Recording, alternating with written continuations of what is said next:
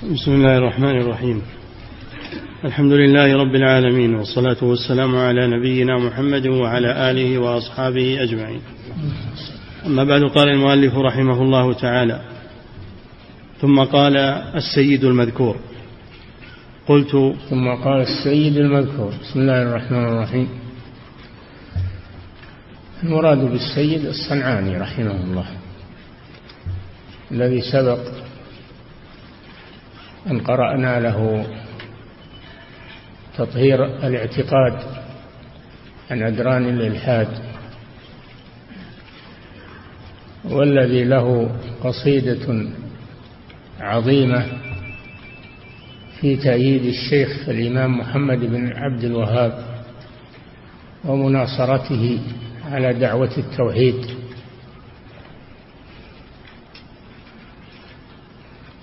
ولكن غاض هذا بعض الذين شرقوا بدعوة التوحيد.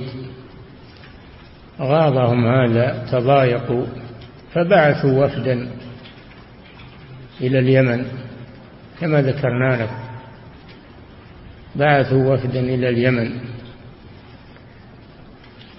يتكون من مربد التميمي وعبد الرحمن النجدي كما يسمونه. فقالوا له إن ابن عبد الوهاب يكفر المسلمين. يكفر المسلمين. لأنه يكفر من عبد الأموات والأضرحة. يكفر من عبد الأموات والأضرحة واستغاث بهم. وهم مسلمون لأنهم يقولون لا إله إلا الله. فهذه شبهة يتعلق بها كل كل هؤلاء المخرفين. قول لا إله إلا الله لا ينفع مع عدم تحقيق معناها. إيش معنى لا إله إلا الله؟ أي لا معبود بحق إلا الله. فهي تنفي العبادة عما سوى الله تثبتها لله ومجرد التلفظ بها لا يكفي حتى يعمل بمقتضاها فيخلص العبادة لله عز وجل. وإلا فإنه إذا قالها واستغاث بغير الله وذبح لغير الله نذر لغير الله وطاف بالقبور فإن هذا يناقض لا إله إلا الله فهو متناقض. يناقض فعله قوله والفعل أبلغ من القول. ما يكفي قول لا إله إلا الله بدون تحقيق معناها والعمل بمقتضاها. فذهبوا وقالوا لأنه يكفر المسلمين. منهم المسلمون؟ الذين يعبدون القبور. لماذا لم يكفروا؟ قالوا لأنهم يقولون لا إله إلا الله.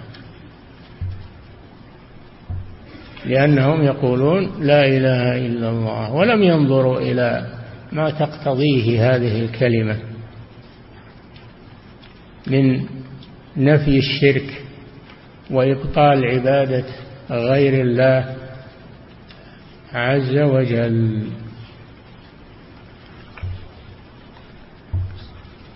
ولكن التحقيق أن هذا الكلام ليس للصنعاني وإنما هو مكذوب عليه لأنه يتنافى مع قصيدته في التوحيد وتأييد الشيخ محمد بن عبد الوهاب ويتنافى مع رسالته تطهير الاعتقاد من أدران الإلحاد. فهو لم يصدر من هذا الكلام وإنما صدر من أناس مخرفين في اليمن يقولون إن منهم ابن أو حفيد الصنعاني وكان شاعرا له قصايد وله فإنهم زوروا هذا الكلام على الصنعاني رحمه الله.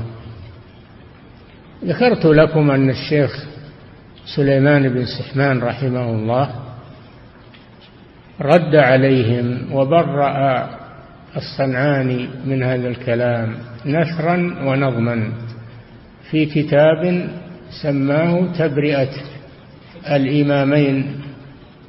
تبرئة الشيخين الإمامين مما افتراه أهل الكذب والمين وهو مطبوع. مطبوع قديما. وأعيد طبعه على نفقة الملك سعود رحمه الله. لما طبع مؤلفات ابن سحمان لما أعاد طبعها ووزعها مجموعة ومنها هذا الكتاب الرد على هؤلاء المغرضين. فالشوكاني رحمه الله يرد على الصنعاني يرد على هذا الكلام سواء للصنعاني أو لغيره. وقد أجاد وأفاد رحمه الله. أجاد وأفاد في هذا الرد سواء كان هذا على الصنعاني أو على من كذب على الصنعاني. نعم. ثم قال السيد المذكور قلت ومن هذا يعني الكفر العملي. من يدعو الأولياء؟ إي نعم لأنهم يقولون إن عبادة الأموات ليست من الشرك. ليست من الشرك لأنهم يقولون لا إله إلا الله. وإنما هي من الكفر العملي الكفر الأصغر والشرك الأصغر. فلا يكفر من فعل هذا لأن هذا شرك أصغر يقولون. من يقول إن هذا شرك أصغر إن عبادة الأموات عبادة القبور ذبح القرابين لها طواف بها بها والاستغاثة بالأموات. من يقول إن هذا ليس بشرك أكبر؟ من يقول إنه شرك أصغر؟ من يقول إنه كفر أصغر؟ إنما هذا تلفيق من هؤلاء المخرفين. وهذا الكلام يرددونه كل القبوريين على هذا يرددون هذا الكلام. وقد أجابهم العلماء أجابوهم بأجوبة حاسمة كشيخ الإسلام ابن تيمية وابن القيم الشيخ محمد بن عبد الوهاب وعلماء هذه البلاد وعلماء الأقطار الآخرين كلهم كذبوا هذا الكلام وردوا عليه وأبطلوه ولله الحمد؟ نعم. ثم قال سيد المذكور قلت ومن هذا يعني الكفر العملي من يدعو الأولياء ويهتف بهم عند الشدائد. آه سبحان الله. ومن الكفر العملي من يدعو الأولياء. هذا يقوله الصنعاني لا والله ويهتف بهم عند الشدائد. الصنعاني يقول وقد هتفوا عند الشدائد باسمها كما يهتف المضطر بالصمد الفردي أعادوا بها معنى سواع ومثله يغوث وود لا بوركت من ودي هذا هذا كلام الصنعاني. نعم. ويهتف بهم عند الشدائد ويطوف بقبورهم ويقبل جدرانها وين نعم. يستلمون مثل ما يستلمون الركن اليماني والحجر الأسود. يستلمون مباني القبور والحجرات التي على القبور يطوفون بها ويستلمون أركانها. هل يقول أحد إن هذا إن هذا شرك أصغر أو أو كفر عملي ما يقوله إلا ملبس وجاهل. نعم. ويطوف بقبورهم ويقبل جدرانها وينذر لها بشيء من ماله فإنه كفر عملي لا اعتقادي. حتى إن الصنعاني قالها قال في في القصيدة ومستلم الأركان منهن باليد. رد عليهم أيضا. القصيدة هذا. نعم. فإنه كفر عملي لا اعتقادي فإنه مؤمن بالله وبرسوله صلى الله عليه وسلم وباليوم الآخر.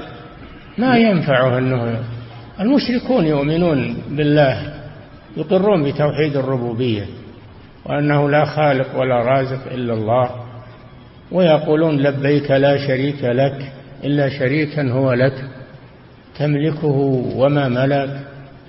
فهم يناقضون يناقضون إيمانهم بالله بالشرك والكفر كما قال جل وعلا وما يؤمن أكثرهم بالله إلا وهم مشركون. أين عميت هذه البصائر والعياذ بالله. نعم. فإنه مؤمن بالله وبرسوله صلى الله عليه وسلم وباليوم الآخر. ليس مؤمنا بالله. حاشا وكلا. الذي يدعو غير الله ويذبح لغير الله ينذر لغير الله يستغيث بالأموات هذا ليس مؤمنا بالله إلا إيمان المشركين الإيمان بتوحيد الربوبية فقط وهذا لا ينفع ولا يكفي. نعم. لكن زين له الشيطان أن هؤلاء عباد الله الصالحين ينفعون ويشفعون ويضرون فاعتقدوا ذلك كما الحمد لله اعترف اعترف هذا الكاذب على الصنعاني. لكنهم لكن زين له الشيطان. زين لهم الشيطان. الشيطان يزين لهم الشرك الأصغر والكفر الأصغر. ما يزين لهم إلا الهلاك الشرك الأكبر والكفر الأكبر. نعم. لكن زين له الشيطان أن هؤلاء عباد الله الصالحين ينفعون ويشفع. ينفعون ويضرون. هل الذي يعتقد في ميت أنه ينفع ويضر. يقال إنه مؤمن. إنه مشرك شرك أصغر.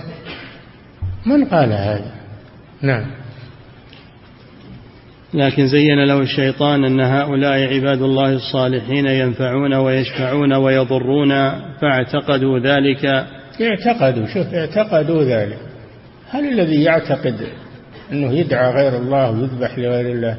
يقال أنه إن كفره عملي وأنه الشرك أصغر هذا قول مبتدع ما قاله أئمة الإسلام. نعم. فاعتقدوا ذلك كما اعتقد ذلك أهل الجاهلية في الأصنام. لله. كما اعتقد ذلك أهل الجاهلية. اعترفوا بأنهم مثل أهل الجاهلية. نعم. حفظك الله لو هذا صاحب سيارة في قبلة المسجد مغلق على أحد الجيران. سيارة نيسان صني رقم اللوحة ألف صاد ميم. نعم. يقول لكن زين له الشيطان أن هؤلاء عباد الله الصالحين ينفعون ويشفعون ويضرون فاعتقدوا ذلك كما اعتقد ذلك أهل الجاهلية في الأصنام. الحمد لله. هذا الذي يعتقد في الأموات مثل ما يعتقد أهل الجاهلية في الأصنام يقال إن شركه أصغر؟ وأن كفر عملي من يقول هذا؟ نعم. فاعتقدوا ذلك كما اعتقد ذلك أهل الجاهلية في الأصنام لكن هؤلاء مثبتون التوحيد لله. تناقض هذا تناقض. كيف يعتقدون؟ مثل ما يعتقد الجاهلية في الأصنام ويقال أن هؤلاء مسلمون مؤمنون لكن هؤلاء يقول؟ لكن هؤلاء مثبتون التوحيد لله. مثبتون التوحيد. وين جاء التوحيد؟ وين جاء التوحيد وهم يعتقدون ما يعتقده عباد الأصنام. كلامهم رد عليهم. نعم. لكن هؤلاء مثبتون التوحيد لله لا يجعلون الأولياء آلهة كما وش معنى الآلهة؟ لا يجعلون الأولياء آلهة. وش معنى الآلهة؟ الآلهة هي ما يعبد من دون الله. هي ما يعبد من دون الله. هذه الآلهة. وهذا شرك في توحيد الألوهية. نعم. لكن هؤلاء مثبتون التوحيد لله لا يجعلون الأولياء آلهة كما قال الكفار. التناقض. مثبتون للتوحيد لكنهم جعلوا هذه القبور آلهة. أيش هذا؟ نعم. كما قال الكفار إنكارا على رسول الله صلى الله عليه وسلم لما دعاهم. كما قال الكفار شوف كما قال الكفار. وش اللي يفرق بينهم وبين الكفار إذا نعم. كما قال الكفار إنكارا على رسول الله صلى الله عليه وسلم لما دعاهم إلى كلمة التوحيد أجعل الآلهة إلها واحدا. شوف سبحان الله ردوا على أنفسهم. إن مقالة هؤلاء مثل مقالة الذين ردوا على رسول الله لما قال لهم قولوا لا إله إلا الله قالوا أجعل الآلهة إلها واحدا. نعم. إن الكلام هذا كلام مجنون ولا إيش كلام هذا؟ نعم.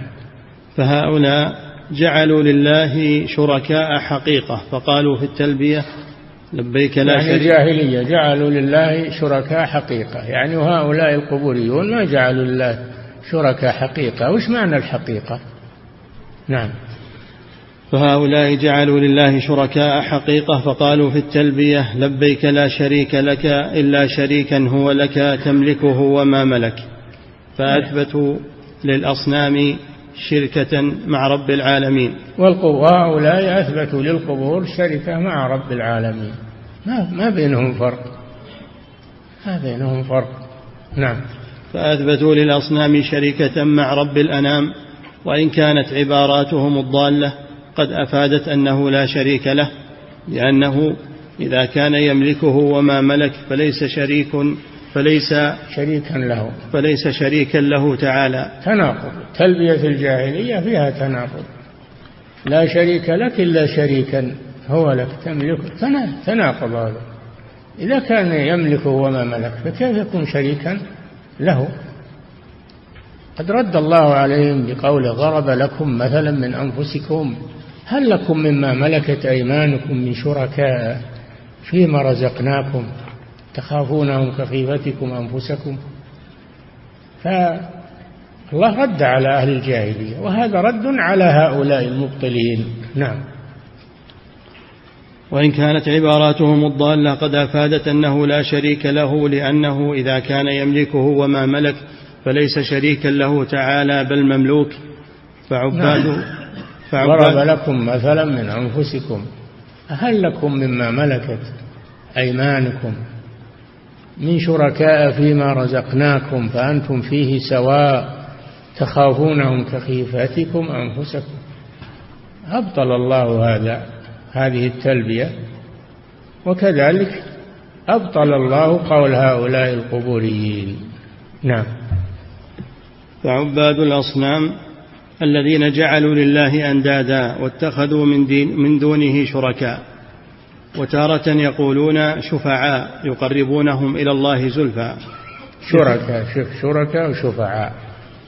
نعم. يعني اعترفوا على أنفسهم. نعم. بخلاف جهلة المسلمين الذين اعتقدوا في أوليائهم النفع والضر. آه سبحان الله. اللي يعتقد في مخلوق ميت النفع والضر؟ هذا يقال إنه مسلم أو يقال إنه لم يشرك. نعم. بخلاف جهلة المسلمين الذين اعتقدوا في أوليائهم النفع والضر كيف يكونون جهلة وهم يقرؤون القرآن؟ يقرؤون القرآن وبلغتهم الدعوة دعوة التوحيد. كيف يكونون جهلة؟ ليسوا جهلة. نعم. الذين اعتقدوا في أوليائهم النفع والضر فإنهم مقرون لله بالوحدانية وإفراده بالإلهية وصدقوا رسله. ما ينفع الإقرار مع التناقض؟ ما ينفع الإقرار. الإقرار حجة عليهم. كيف تقرون أنه هو الرب والخالق والرازق وتصرفون العبادة لغيره؟ هذا تناقض. نعم. فالذين أتوه من فالذين فالذي أتوه من تعظيم الأولياء كفر عمل لا اعتقاد كذب هذا كفر اعتقاد. ما فعلوا هذا إلا الاعتقاد هو قال أنهم يعتقدون فيه. قال في الكلام الذي مر أنهم يعتقدون فيه. ما هو كفر عمل كفر اعتقاد. ما فعلوا هذا إلا لأنهم يعتقدون أنهم ينفعون ويضرون. نعم.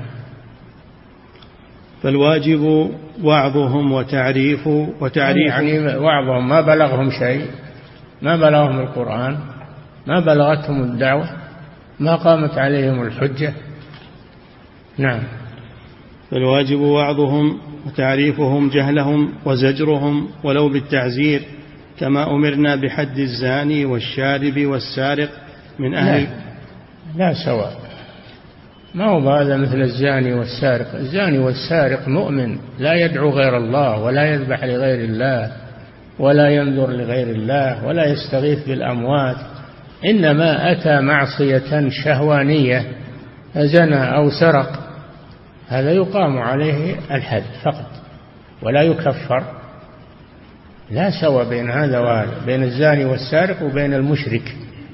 الذي يدعو غير الله ويستغيث بالأموات ويذبح لهم وينذر لهم. لا سوى بين هذا وهذا. نعم.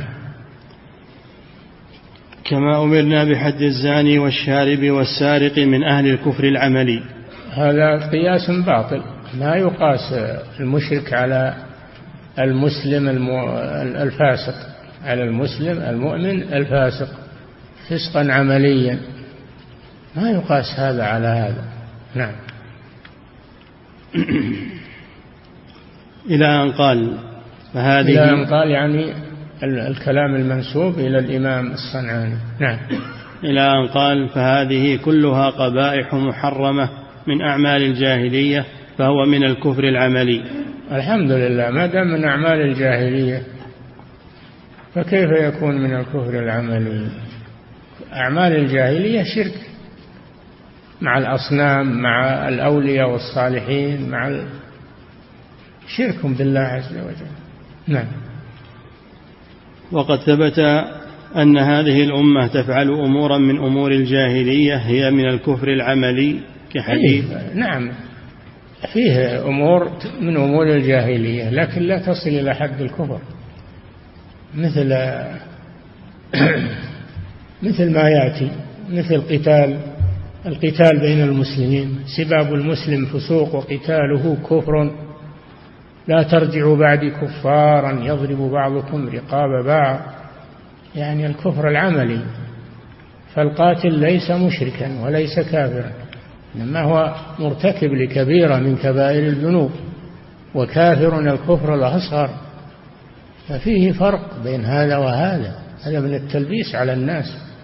نعم.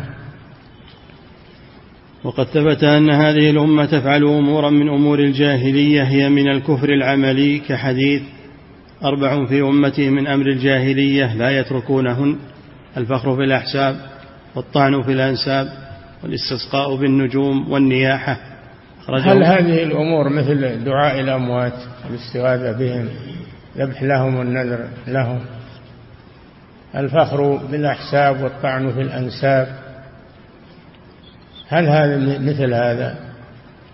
لكن إذا عميت البصيرة والحمد لله أنهم قالوا هذا فكشفوا عن أنفسهم بكلامهم.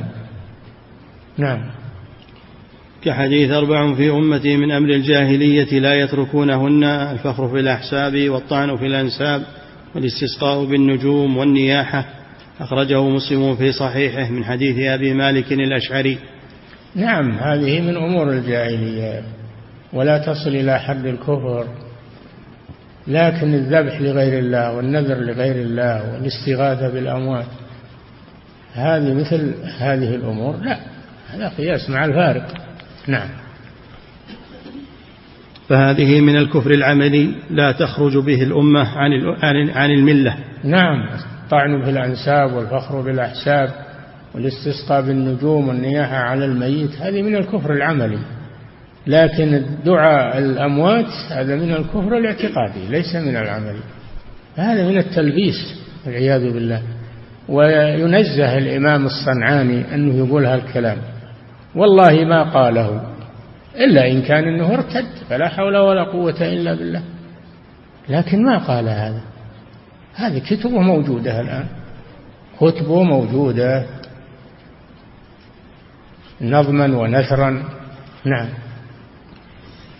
فهذه من الكفر العملي لا تخرج به الأمة عن الملة بل هم مع إتيانهم بهذه الخصلة بالجاهلية أضافهم إلى نفسه فقال من أمتي. أي نعم. من أمتي. قال أربع في من أمور الجاهلية في أمتي. هذه ما ما ما تخرج من من الأمة. الكهانة اللي اللي ما تخرج الطعن في الأنساب والفخر بالأحساب والنياحة على الميت والاستسقاء بالنجوم؟ هذه كبائر ولا تخرج من الملة. نعم. فإن قلت أهل الجاهلية تقول في أصنامها هذا كلام المنسوب للصنعاني نعم. فإن قلت أهل الجاهلية تقول في أصنامها إنهم يقربونهم إلى الله زلفى كما يقول القبوريون ويقولون هؤلاء شفعاؤنا عند الله كما يقوله القبوريون قلت لا سواء فإن القبوريين لا سواء. ليش لا سواء؟ إلا سواء. إلا سواء. اللي لا قلت ما هو بسواء يصير ما هو بسواء. نعم فإن قلت؟ فإن قلت أهل الجاهلية تقول في أصنامها إنهم يقربونهم إلى الله زلفى كما يقول القبوريون. نعم. ويقول ما نعبدهم إلا ليقربونا إلى الله زلفى. الذين اتخذوا من دونه أولياء. ما نعبدهم إلا ليقربونا إلى الله زلفى. نعم. ويقولون هؤلاء شفعاؤنا عند الله كما يقوله القبوريون. نعم. الجاهلية يقولون هؤلاء شفعاؤنا عند الله ويعبدون من دون الله ما لا يضرهم ولا ينفعهم ويقولون هؤلاء شفعاؤنا عند الله. القبوريون يقولون نفس الكلام هذا يقولون إن الأولياء إنهم يقربونهم إلى الله ويشفعون لهم إلى الله. لا فرق بين بين الحالتين والحكم واحد. فمن أراد أن يفرق فهو يفرق بين ما جمع الله سبحانه وتعالى. نعم. قلت لا سواء فإن القبوريين مثبتون للتوحيد لله. توحيد الربوبية مثبتون لتوحيد الربوبية. وأهل الجاهلية مثبتون لتوحيد الربوبية ولم ينفعهم ذلك لأنهم أشركوا في الإلهية. فالقبوريون مقرون بتوحيد الربوبية ولكنهم أشركوا في توحيد الألوهية بدعاء الأموات والاستغاثة بهم إلى آخره. فلا فرق بين شرك أهل الجاهلية وشرك القبوريين. نعم. فإن القبوريين مثبتون للتوحيد لله قائلون الحمد لله اعترف أنهم قبوريون. فإن القبوريين اعترف أنهم قبوريون. نعم. فإن القبوريين مثبتون للتوحيد لله قائلون أنه لا إله إلا الله. ما ينفع القول باللسان. يقولون لا إله إلا الله لكن يعبدون غير الله. إيش معنى لا إله إلا الله؟ إذن هذا تناقض. المشركون الأولون أبوا التناقض وهؤلاء استساغوا التناقض. يقولون لا إله إلا الله ويعبدون غير الله. هذا تناقض.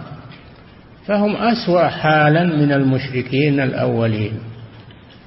لأن الأولين أبوا التناقض وثبتوا على عبادة الأصنام خشية التناقض.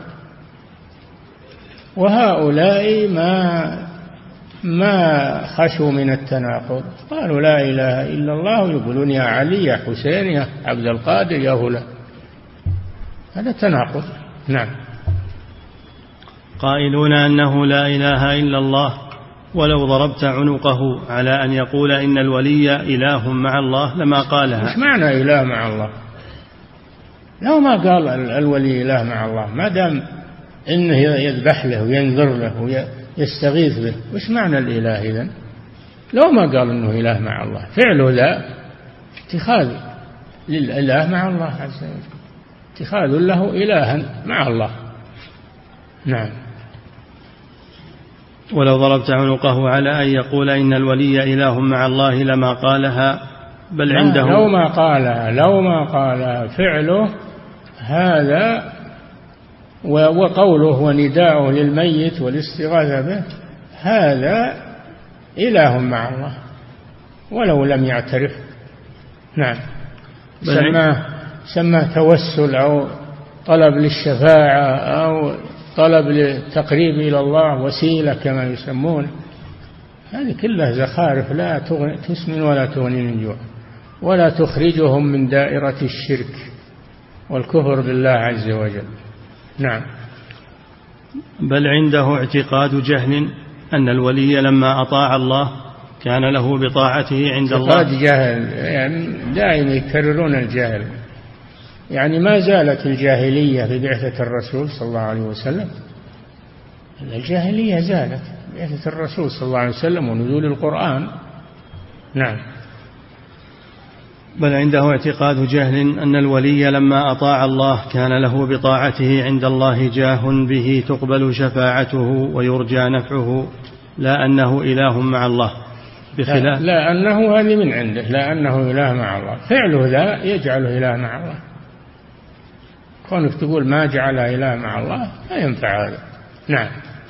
إنما ننظر إلى قوله ننظر إلى عمله. نعم. بل عنده اعتقاد جهل أن الولي لما أطاع الله كان له بطاعته عند الله جاه به تقبل شفاعته ويرجى نفعه لأنه إله مع الله بخلاف الوثني فإنه امتنع. ما بينهم خلاف الوثني والقبور والله ما بينهم خلاف إنهم سواء. نعم. فإنه امتنع بخلاف الوثني فإنه امتنع عن قول لا إله إلا الله حتى ضربت عنقه. طيب الرسول ما قال اللهم لا تجعل قبري وثنا يعبد. فدل على أن الذي يدعو القبر والضريح أن أنه اتخذه وثنا وعبده من دون الله عز وجل. نعم. بخلاف الوثني فإنه امتنع عن قول لا إله إلا الله حتى ضربت عنقه زاعما أن وثنه إله مع الله. والقبر جعله وثنا مع الله. ما ما في فرق. الوثن هو ما عبد من دون الله سواء كان قبرا أو شجرا أو صنما أو حجرا. هذا الوثن. نعم. زاعما أن وثنه إله مع الله ويسميه ربا وإلها. قال يوسف عليه الصلاة والسلام أأرباب متفرقون خير أم الله الواحد القهار؟ سماهم أربابا لأنهم الرب يطلق بمعنى الإله أحيانا يأتي الرب بمعنى الإله. قول يوسف أرباب متفرق أي آلهة آلهة متفرقون. ولهذا المشركون لما قال لهم قولوا لا إله إلا الله قالوا أجعل الآلهة فالرب عندهم معناه الإله لا فرق. نعم. سماهم أربابا لأنهم كانوا يسمونهم بذلك كما قال الخليل هذا ربي في الثلاث الآيات مستفهما لهم مبكتا. الخليل قال هذا يريد الرد عليهم لأنهم يعبدون الكواكب. فهو ناظرهم عليه الصلاة والسلام ليبطل عبادة الكواكب. نعم. كما قال الخليل هذا ربي في الثلاث الآيات مستفهم مستفهما لهم مبكتا متكلما على خطابهم حيث يسمون الكواكب أربابا وقالوا الرب يأتي بمعنى الإله يأتي بمعنى الإله. نعم. وقالوا أجعل الآلهة إلها واحدا. وقال قوم إبراهيم من فعل هذا بآلهتنا؟ آه الحمد لله. جاب جاب البغية أن الرب والإله عندهم سواء. من فعل هذا بآلهتنا؟ من فعل هذا بآلهتنا؟ سموها آلهة. نعم. والقبوريون يعتبرونها آلهة تنفع وتضر. وش معنى الإله؟ معناها معنى الإله الذي يعبد من دون الله من الألوهية وهي العبادة. نعم. وقال قوم إبراهيم من فعل هذا بآلهتنا أأنت فعلت هذا بآلهتنا يا إبراهيم؟ فدل على أن المشركين الأولين يطلقون الإله على الرب. وأن قول يوسف عليه السلام أرباب متفرقون أي أي آلهة متفرقون. نعم. وقال إبراهيم ولهذا قال ما تعبدون من دونه ما تعبدون شوف. ما تعبدون من دونه إلا أسماء سميتموها. نعم. وقال إبراهيم عليه الصلاة والسلام أئفكا آلهة دون الله تريدون؟ يوسف عليه السلام قال لأصحاب السجن أرباب متفرقون خير أم الله الواحد القهار؟ نعم. ما تعبدون؟ أي خير أم الله الواحد القهار؟ ما تعبدون من دونه. يعني صار الرب هنا الآلهة والإله. لكن هؤلاء لا يقرؤون القرآن قراءة تفاهم. إنما يقرؤونه لأجل التلاوة مجرد التلاوة وزين الصوت وبالمآتم وبالحفلات دون تأمل يتغنون به دون تأمل لمعانيه وعمل به. نعم. وقال إبراهيم عليه الصلاة والسلام أئفكا آلهة دون الله تريدون؟ ومن هذا يعلم أن الكفار غير مقرين بتوحيد الإلهية والربوبية كما توهمه من توهم. نعم الكفار غير مقرين بتوحيد الألوهية لكنهم مقرون بتوحيد الربوبية. أما هؤلاء القبوريون فهم مقرون بتوحيد الربوبية لكن لم يقروا بتوحيد الألوهية بدليل أنهم عبدوا القبور. نعم. ومن هذا يعلم أن الكفار غير مقرين بتوحيد الإلهية والربوبية كما توهمه من توهم من قوله ولئن سألتهم من خلقهم ليقولن الله ولئن سألتهم من خلق السماوات والأرض ليقولن خلقهن العزيز العليم قل من يرزقكم من السماء والأرض هذه أدلة على توحيد الألوهية. هذه أدلة على توحيد الألوهية. أراد الله أن يتحداهم. أنتم تعتقدون أنه لا خالق ولا رازق ولا مدبر إلا الله فلماذا لا تعبدونه؟ لماذا لا تخلصون له العبادة؟ هذا رد عليهم. نعم. قل من يرزقكم من السماء والأرض إلى قوله فسيقولون الله فهذا نعم. إقرار بتوحيد الخالقية والرازقية ونحوهما. لا أنه إقرار بتوحيد الإلهية. نعم صحيح. صحيح أنهم أقروا بتوحيد الربوبية وأبوا أن يقروا بتوحيد الألوهية. نعم. فهذا إقرار بتوحيد الخالقية والرازقية ونحوهما لا أنه إقرار بتوحيد الإلهية لأنهم يجعلون أوثانهم أربابا كما عرفت فهذا الكفر الجاهلي كفر اعتقاد ومن لازمه كفر العمل بخلاف من اعتقد في الأولياء النفع والضر مع توحيد الله. لا والله لا والله. ما ما بينهم فرق. بخلاف؟ بخلاف من اعتقد في الأولياء. اعتقد في الأولياء. شوف اعتقد في الأولياء. أنهم ينفعون ويضرون. إيش معنى هذا؟ معناه أنه جعلهم آلهة. نعم. بخلاف من اعتقد في الأولياء النفع والضر مع توحيد الله. كيف توحيد الله مع أنه يعتقد النفع والضر في غير الله؟ كيف يكون هذا توحيد لله؟ شوف التناقض في هذا الكلام؟ والله لم يصدر هذا من الإمام الصنعاني إنما صدر من من كاذبين قبوريين كاذبين. وليس هذا عندهم فقط هذا عند كل القبوريين على وجه الأرض. يرددونه. نعم.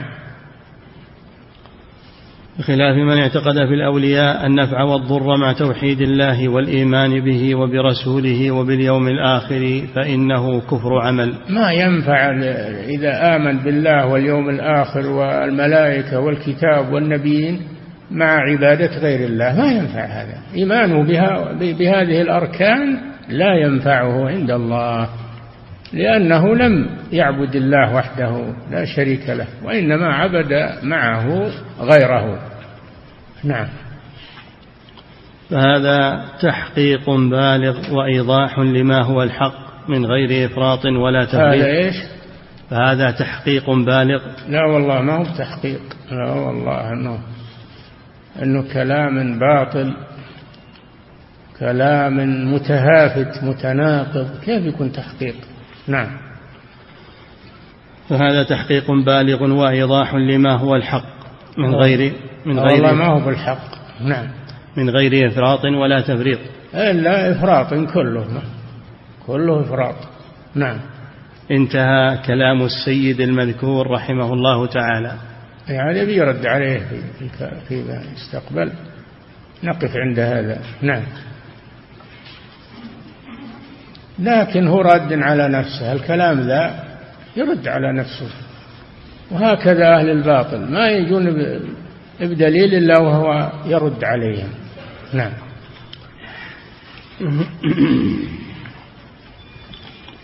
يقول فضيلة الشيخ وفقكم الله. يقول ما حكم من يذبح لله عند قبر ولي من الأولياء اعتقادا لبركة المكان؟ هذا وسيلة إلى الشرك هذا بدعة لأن المكان هذا ما هو محل ذبح ووسيلة إلى الشرك. نعم. فضيلة الشيخ وفقكم الله يقول هل الطالب المبتدئ له أن يقرأ في كتب الشيخ سليمان بن سحمان رحمه الله وحده بدون قراءة على شيخ معين؟ اقرأ المقررات لا بد يكون عندك ملكة من العلم. ما بتقرأ وأنت ما سبق لك أنك طلبت العلم. إذا كان عندك ملكة من العلم اقرأ من كتب العلماء ما يزيد معلوماتك ويوثق معلوماتك من كتب الشيخ ابن سحمان وغيره. أما إنسان ما عنده أصل ولا عنده مبادئ ويبي يطب بالردود يقرأها وهو ما عنده مبادئ ولا أصول هذا ما ينفع. نعم بل ربما يضل أكثر. نعم. يقول فضيلة الشيخ وفقكم الله. وهذا الذي يدعونا نكرر نقول تعلموا تعلموا قبل تعلموا إما في الكليات والمعاهد على أيدي المدرسين أو تعلموا على أيدي العلماء في المساجد. لا تقتصروا على القراءة وعلى المطالعة. من غير تأصيل من قبل. نعم. فضيلة الشيخ وفقكم الله يقول أين نجد قصيدة الصنعاني رحمه الله في ثنائه على الشيخ محمد بن عبد الوهاب ودعوته؟ وهل هي مطبوعة.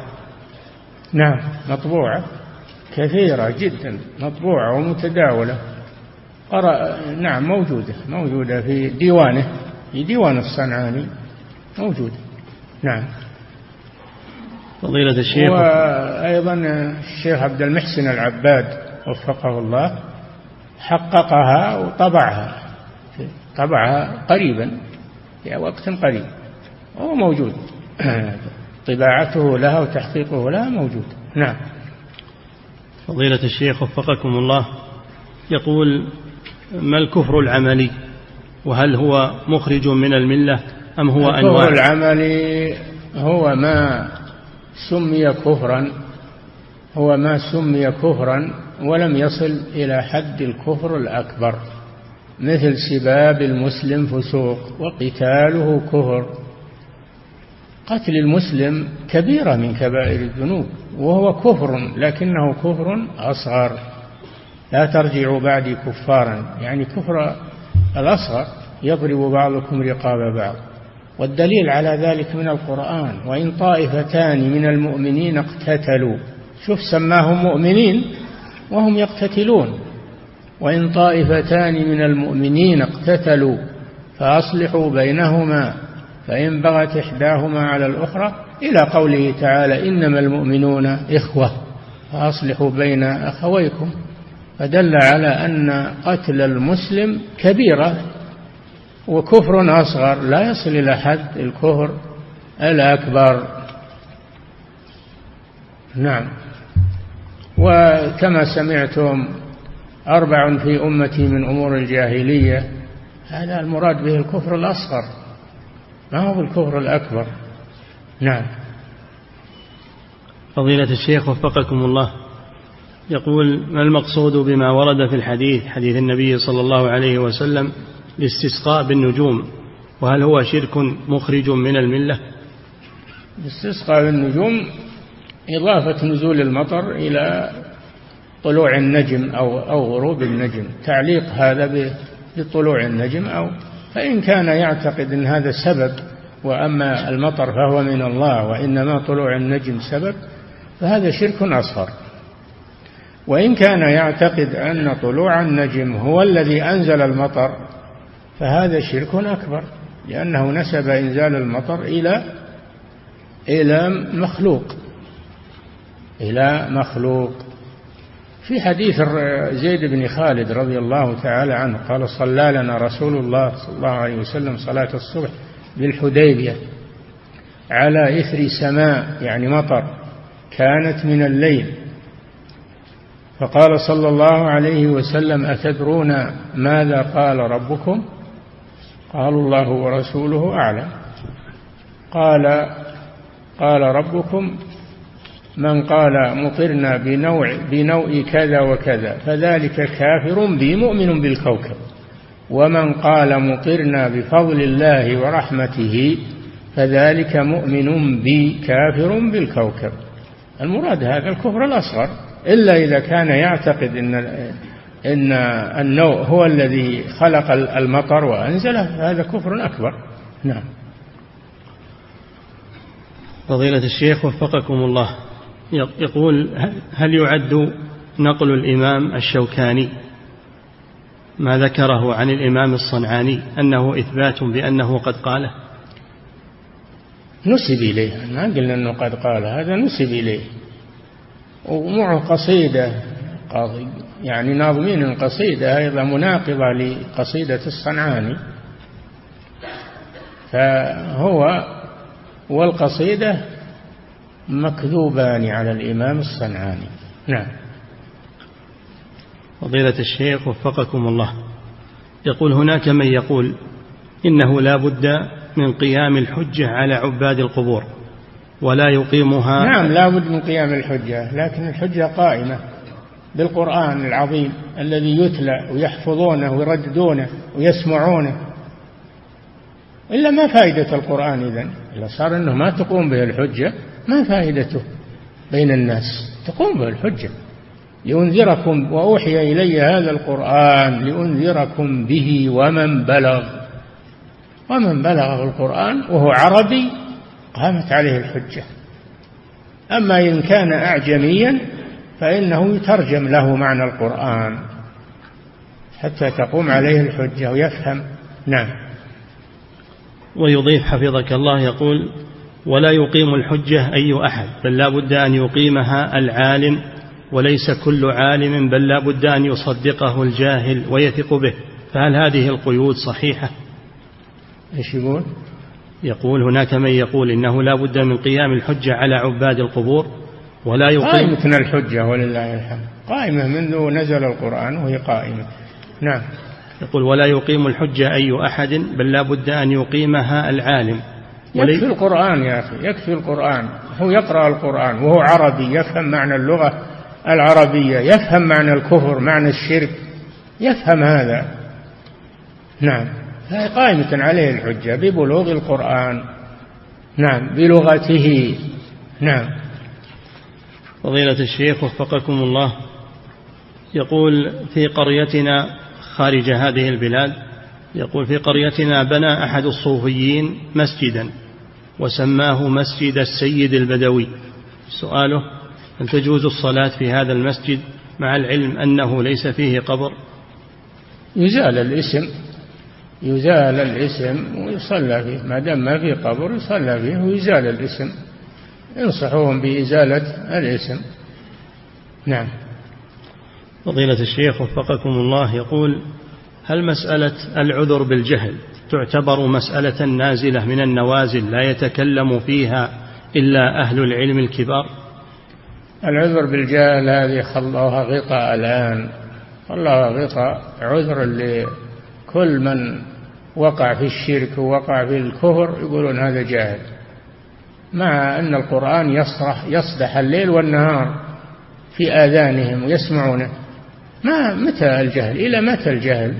نعم. فضيلة الشيخ وفقكم الله يقول في بلدي في بلدتي قبوريون فهل يلزمني أن أصرح لهم بأنهم كفار أم لي؟ نعم. يقول في بلدتي قبوريون فهل يلزمني أن أصرح لهم بأنهم كفار أم لي أن أوري عن هذا في سبيل أن أدعوهم؟ نعم بين لهم بين لهم بحكمة ولين لعلهم يقبلون. لا تقول لهم أنتم كفار وأنتم مشركون ينفرون منك لكن قل لهم القرآن قال الله كذا والرسول قال كذا وبين لهم. نعم. بلطف وحكمة نعم. فضيلة الشيخ وفقكم الله. يقول هل هناك لأنه قد يكون الإنسان فاهم من الموضوع وقائمة عليه الحجة لكن يكابر بعضهم. إذا أغضبته يكابر. فلا تأتيه بالعنف. نعم. قل فضيلة الشيخ وفقكم الله هل هناك فرق بين توحيد الإلهية وتوحيد الألوهية؟ لا. بمعنى واحد الإلهية والألوهية. معنى واحد العبادة. توحيد العبادة كلها تعبيرات بمعنى واحد. نعم. فضيلة الشيخ وفقكم الله يقول هل يوجد في العقيدة الصحيحة ما يسمى بتوحيد الخالقية والرازقية والحاكم؟ توحيد الربوبية يسمونه توحيد الخالقية والرازقية يعني توحيد الربوبية. نعم. كذلك يقول حفظك الله وتوحيد الحاكمية. الحاكمية داخلة في توحيد الألوهية. داخلة في توحيد الألوهية. ما تفرد الحالة؟ نعم. فضيلة الشيخ وفقكم الله ما الفرق بين الشرك والكفر؟ وهل كل كفر شرك؟ نعم. ما الفرق بين الشرك والكفر؟ وهل كل كفر يعد شركا؟ الكفر أعم. قد يكون مشركا قد يكون كافرا جاحدا للخالق ملحد. لا يعترف بالخالق. أما المشرك فإنه يعترف بالخالق يقر بتوحيد الربوبية لكنه يشرك في توحيد الألوهية. أما الكافر فإنه لا يقر بهذا ولا هذا. نعم. فضيلة الشيخ وفقكم الله يقول هل هناك فرق بين الصنم والوثن؟ نعم الصنم ما كان على صورة على صورة حيوان. هذا من حيث اللغة. لا فرق بينهم من حيث الشرع لكن من حيث اللغة. أن الوثن ما كان على صورة إنسان أو حيوان والوثن ما لم يكن على صورة كالقبر والشجر والحجر. نعم. فضيلة الشيخ وفقكم الله. يقول هل من الممكن أن نقول إن عدم التفات أئمة الدعوة إلى إن, أن نقول هل من الممكن أن نقول إن عدم التفات أئمة الدعوة إلى القصيدة المنسوبة إلى الصنعاني يكون دليلا على أنهم لا يظنون أن القائل هو الصنعاني بل قال قد قالها غيره. ما فهمت السؤال. تعيد السؤال. يقول حفظك الله يقول هل من الممكن أن نقول بأن عدم التفات أئمة الدعوة؟ ما كيف عدم التفات؟ إلا التفتوا وردوا عليها. أوعزوا إلى الشيخ سليمان رحمه الله ورد عليها وقرأت عليهم وأقروها. نعم أقروا هذا الرد. نعم. فضيلة الشيخ وفقكم الله يقول السائل أنا سوف أذهب في الأسبوع القادم إلى بلد يكثر إلى بلد عربي يكثر فيه الصوفية. فهل هناك كتب تنصحون بقراءتها وأخذها معي إلى تلك البلاد؟ يكفي المختصرات. خذ المختصرات في في الرد على الصوفية. تجدها في المكاتب وفي مختصرات نعم. فضيلة الشيخ وفقكم الله. يقول السائل امرأة حامل توفي عنها زوجها فوضعت الحمل بعد وفاة الزوج بساعة فهل ينقضي إحدادها بانتهاء عدتها؟ نعم. إذا وضعت بعد وفاة زوجها خرجت من العدة ولو بساعة أو بدقائق وأولاة الأحمال أجلهن أن يضعن حملهن. نعم. فضيلة الشيخ وفقكم الله. هذه أسئلة كثيرة حفظك الله عن موضوع واحد وهي ما نشرته إحدى الصحف في هذا اليوم من مقال لشخص يقول بأن إغلاق المحلات التجارية وقت الصلاة بأنه بدعة ولا دليل عليه. ولا دليل عليه؟ نعم. لا إله إلا الله. وبدعة أيضا؟ مشكلة. هذا جاهل جاهل مركب هذا. نعم. فضيلة الشيخ وفقكم الله. هذا كلامه يرد عليه هو نفسه. نعم. فضيلة الشيخ وفقكم الله. يقول هل من وجد مالا واهتدى لصاحبه وسلمه المال؟ فهل يحق لمن وجد المال أن يطلب من صاحبه شيئا لقاء إيجاده له؟ كونه لا يطلب أحسن. يعتبر هذا تقرب إلى الله وأمانة يؤديها لصاحبها. هذا أفضل إنه ما يطلب نعم. وإذا طلب فلا بأس. نعم. فضيلة الشيخ وفقكم الله. يقول السائل يقول هل آذن لزوجتي أن تتشارك مع أخواتها بشراء جهاز جوال؟ لأخيهن الذي يدرس في مرحلة ثانوية وهو جهاز ما يسمى بالبلاك بيري. يقول هل يجوز لي أن آذن لها في ذلك واستخدامات هذا الجوال في محاولة لا لا. الجوال الذي فيه خطر على الإنسان آه، لا يشترى. إنما يشترى الجوال المجرد للمكالمة فقط وليس فيه ليس فيه آه، مثلا زيادة على استخدام المكالمات. اللي يجيب الأشياء المحرمة والأشياء الخطيرة لا يجوز بيعه ولا شراؤه. نعم. فضيلة الشيخ وفقكم الله. يقول ما حكم ما يسمى بخاتم التسبيح؟ إيش خاتم التسبيح؟ خاتم حفظك الله ظهر الآن يلبس ويعد به التسبيحات. لا هذا صدر في فتوى من اللجنة الدائمة بمنعه. صدر فتوى بمنعه. التسبيح يعقد بالأصابع هذا أفضل. أو يجيب حصى بعدد التسبيح يسبح بالحصى كما فعلت جويرية أم المؤمنين لا بأس بذلك. أما خاتم أو عداد ما, ما يصلح هذا. نعم.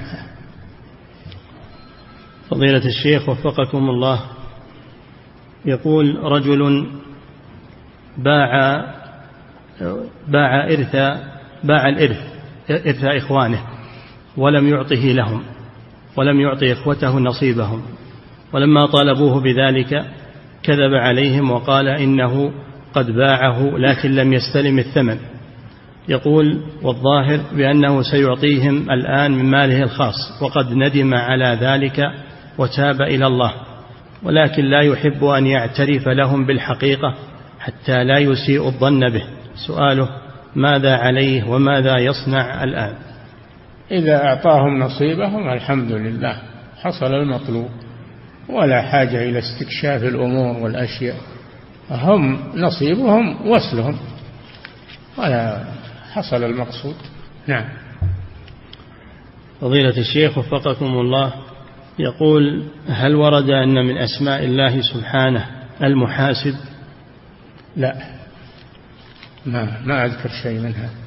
المحاسب نعم. فضيلة الشيخ المحاسب هذا موظف. الدوائر. نعم.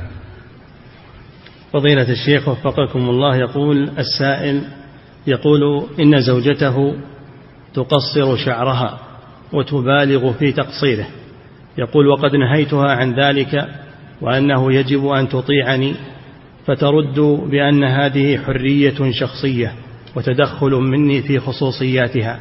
يقول ما توجيهكم لي ولها في ذلك وفقكم الله. نعم هذه قضية الآن صارت في الناس وهي الحرية حرية الرأي حرية التعبير. حرية التصرفات. معنى حرية؟ حدود الشرع. الحرية في حدود الشرع. أما الحرية التي تتعدى حدود الشرع فهي ممنوعة باطلة نعم.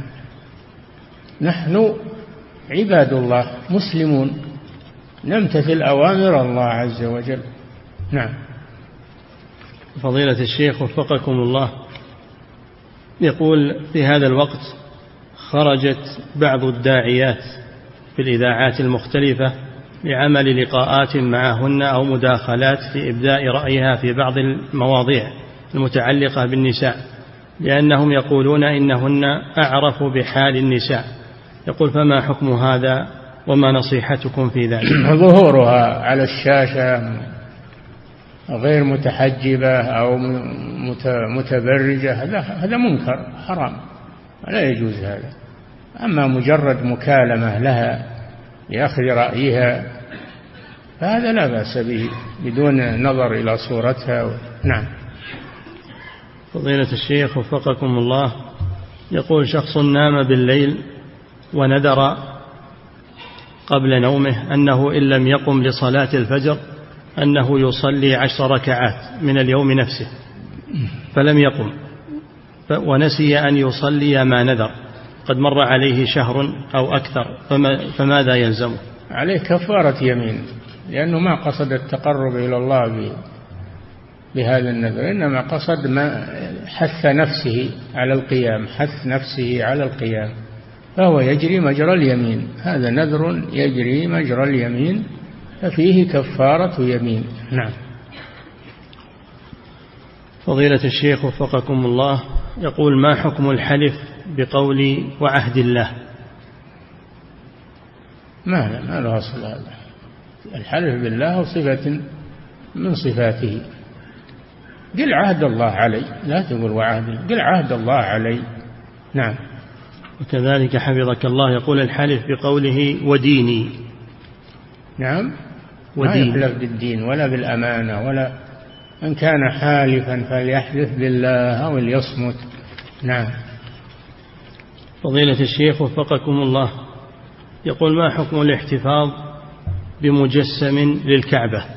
علما بأنني لم أشتره ولكن قد أهدي لي. لا يجوز هذا.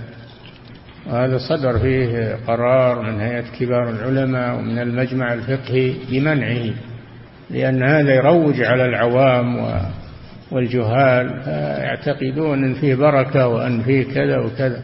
لا يجوز هذا. نعم. فضيلة الشيخ وفقكم الله يقول يقول السائل هل يجوز لي كوالد أن أفتش في جوال وكمبيوتر أبنائي خشية أن يكون فيها شيء؟ نعم هذا واجب عليك تفقدها وتنظر فيها. وكما ذكرت لكم لا يشترى لهم جوالات فيها أكثر من الاستخدام المكالمة.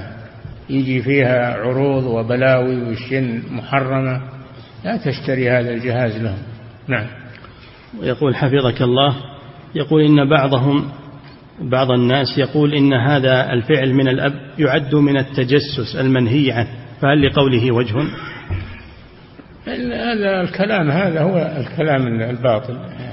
الوالد مأمور بأن يربي أولاده وأن يشرف عليهم وأن يتعهدهم. هذا واجب عليه. وليس من التجسس هذا من القيام بالواجب الذي أوجبه الله عليه. لكن الآن فيها الآن بلى حصل وهو أنهم يقولون لا تقول لأولادك ولا لزوجاتك ولا لبناتك شيء هذا من العنف الأسري. اتركهم يعملون ما يشاءون حريتهم. ما تدخل فيهم هذا من العنف الأسري. ولا حول ولا قوة إلا بالله. يريدون أن, أن ما أحد يقوم بالواجب. وكل يعمل ما يشاء. نعم. فضيلة الشيخ وفقكم الله. يقول هناك من ظهر وقال إن الأمر بالمعروف والنهي عن المنكر هو خاص برجال الهيئات وأنه لا يقوم به غيرهم. يقول فهل هذا القول صحيح؟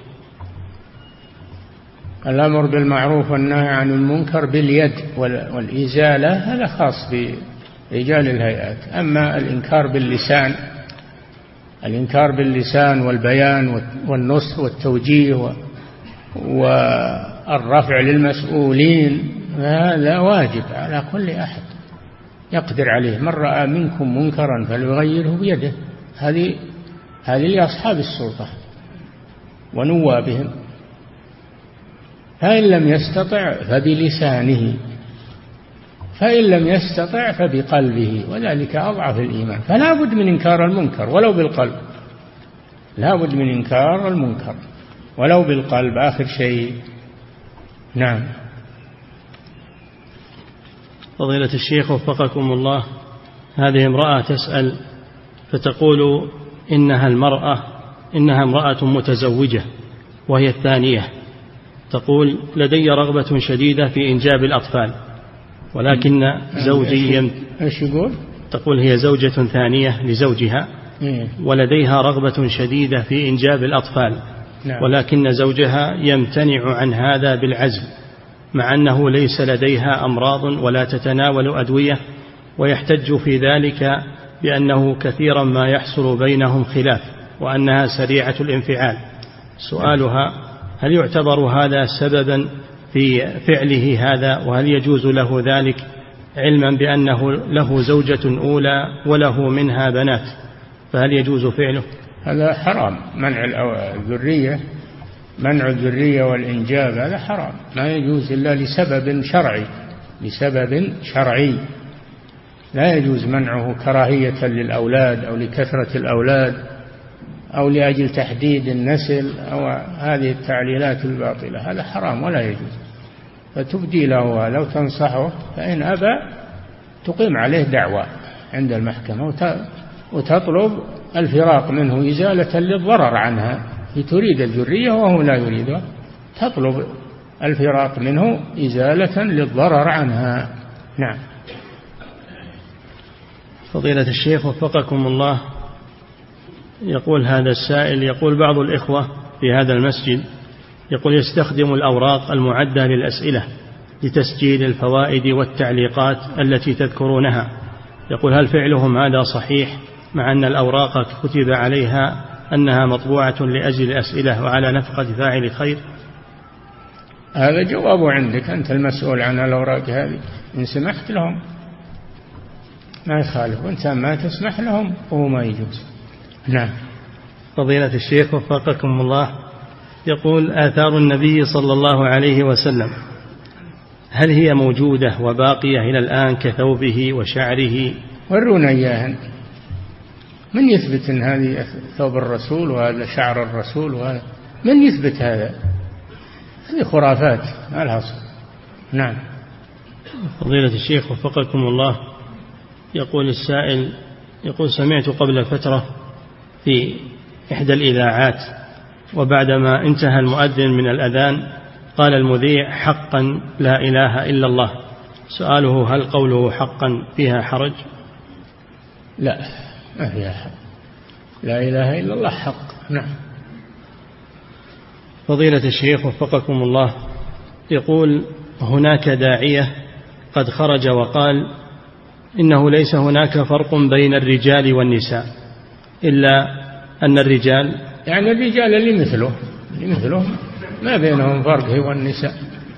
أما الرجال أهل الشهامة والرجولة فهم ما هم مثل النساء وليس الذكر كالأنثى. نعم.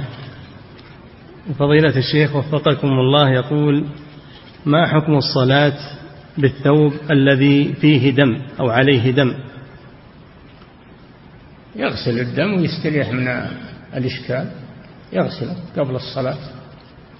وإن صلى وهو ناسيها وما درى صلاته صحيحة لكن يغسله للمستقبل. نعم. ويقول حفظك الله وإذا غسله لكن اللون ما زال باقيا فهل يؤثر ذلك؟ لا يؤثر. إذا غسله وعجز إذا عجز عن إزالة اللون عجز فإنه لا يؤثر. ولهذا النبي صلى الله عليه وسلم قال لما أمر المرأة تغسل دم الحيض من الثوب.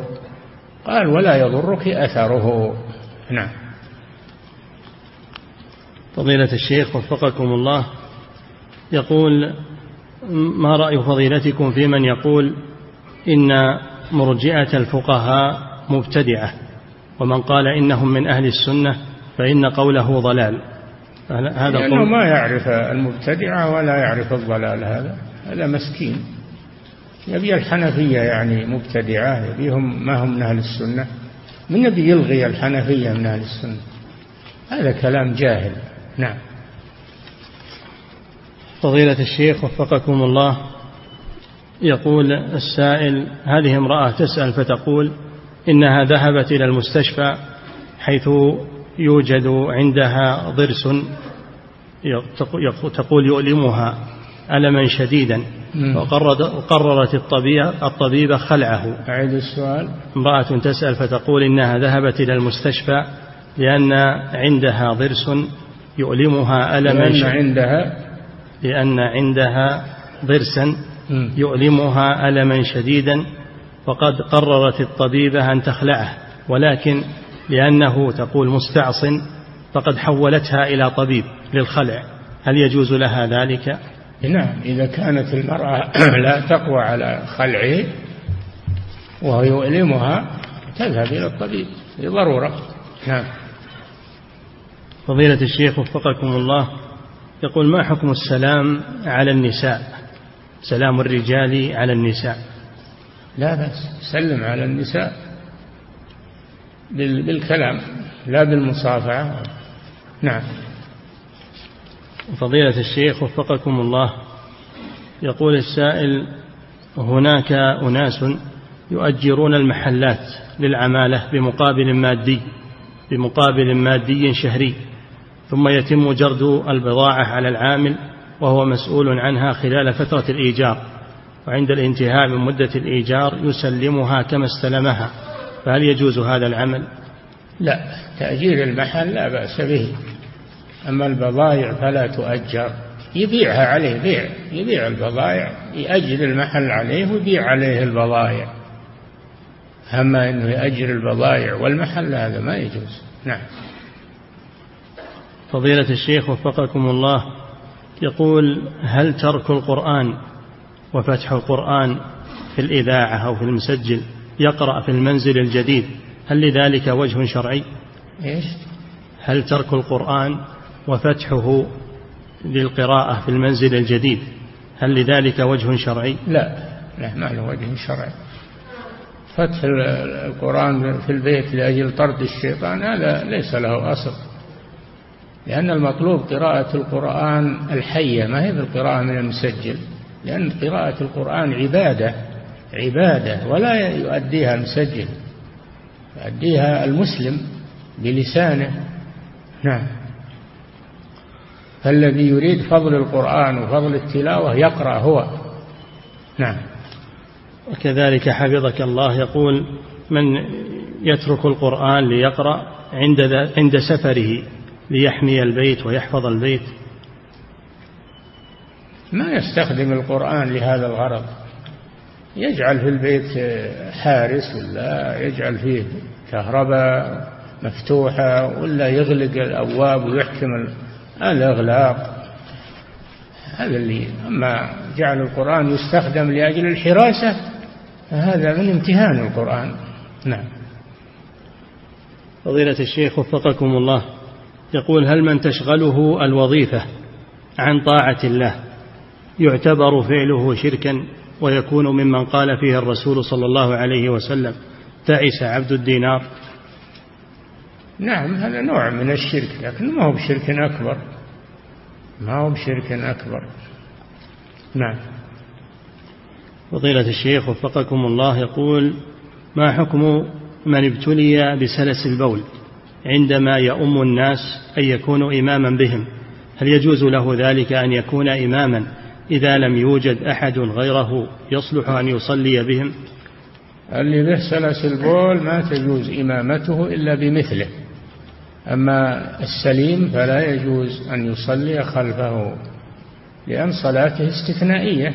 يصلي ولو قطر البول وهو يصلي صلاته صحيحة استثناء. لكن لا تصح صلاة السليم خلفه إنما تصح إمامته بمثله ممن بهم حدث دائم. نعم. فضيلة الشيخ وفقكم الله يقول هل يلزم الإمام إمام المسجد إذا أراد أن يجمع بين العشاءين لأجل المطر هل يلزمه أن يخرج قبل أن يكبر لصلاة العشاء ليرى استمرار المطر أم يكتفي بالرؤية السابقة عند دخوله للمسجد؟ إذا كان يدخل المسجد والمطر ينزل والأرض تمشي والوقت بارد العذر قائم. أما إذا كان إن المطر خفيف أو رذاذ أو سحاب مقبل ولا يدري هل أمطر أو لا فلا بد يتأكد. نعم. فضيلة الشيخ وفقكم الله يقول الشخص الذي هو مسافر من مكة إلى الرياض. يقول الشخص المسافر من مكة المسافر إلى مكة من الرياض. يقول هل ينتهي سفره إذا دخل الرياض وعاد أم لا بد من وصوله إلى حيه وإلى مسكنه حتى يقال إنه قد وصل وأصبح إذا وصل عامر البلد إذا وصل عامر البلد فإنه انتهى سفره. ما هو لا بد يصل بيته لا. إذا وصل عامر البلد نعم. فضيلة الشيخ وفقكم الله يقول ما المقصود بالغرباء الذين قال فيهم الرسول صلى الله عليه وسلم طوبى للغرباء؟ بينهم الرسول صلى الله عليه وسلم. قالوا من الغرباء؟ قال الذين يصلحون إذا فسد الناس. وفي رواية الذين يصلحون ما أفسد الناس. هؤلاء هم الغرباء. نعم. فضيلة الشيخ وفقكم الله.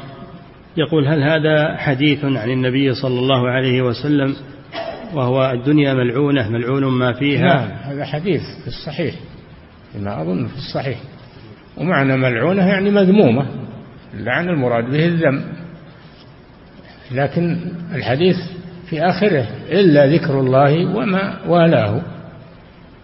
فالدنيا التي يستعان بها على طاعة الله وعلى ذكر الله هذه محمودة ولا هي مذمومة.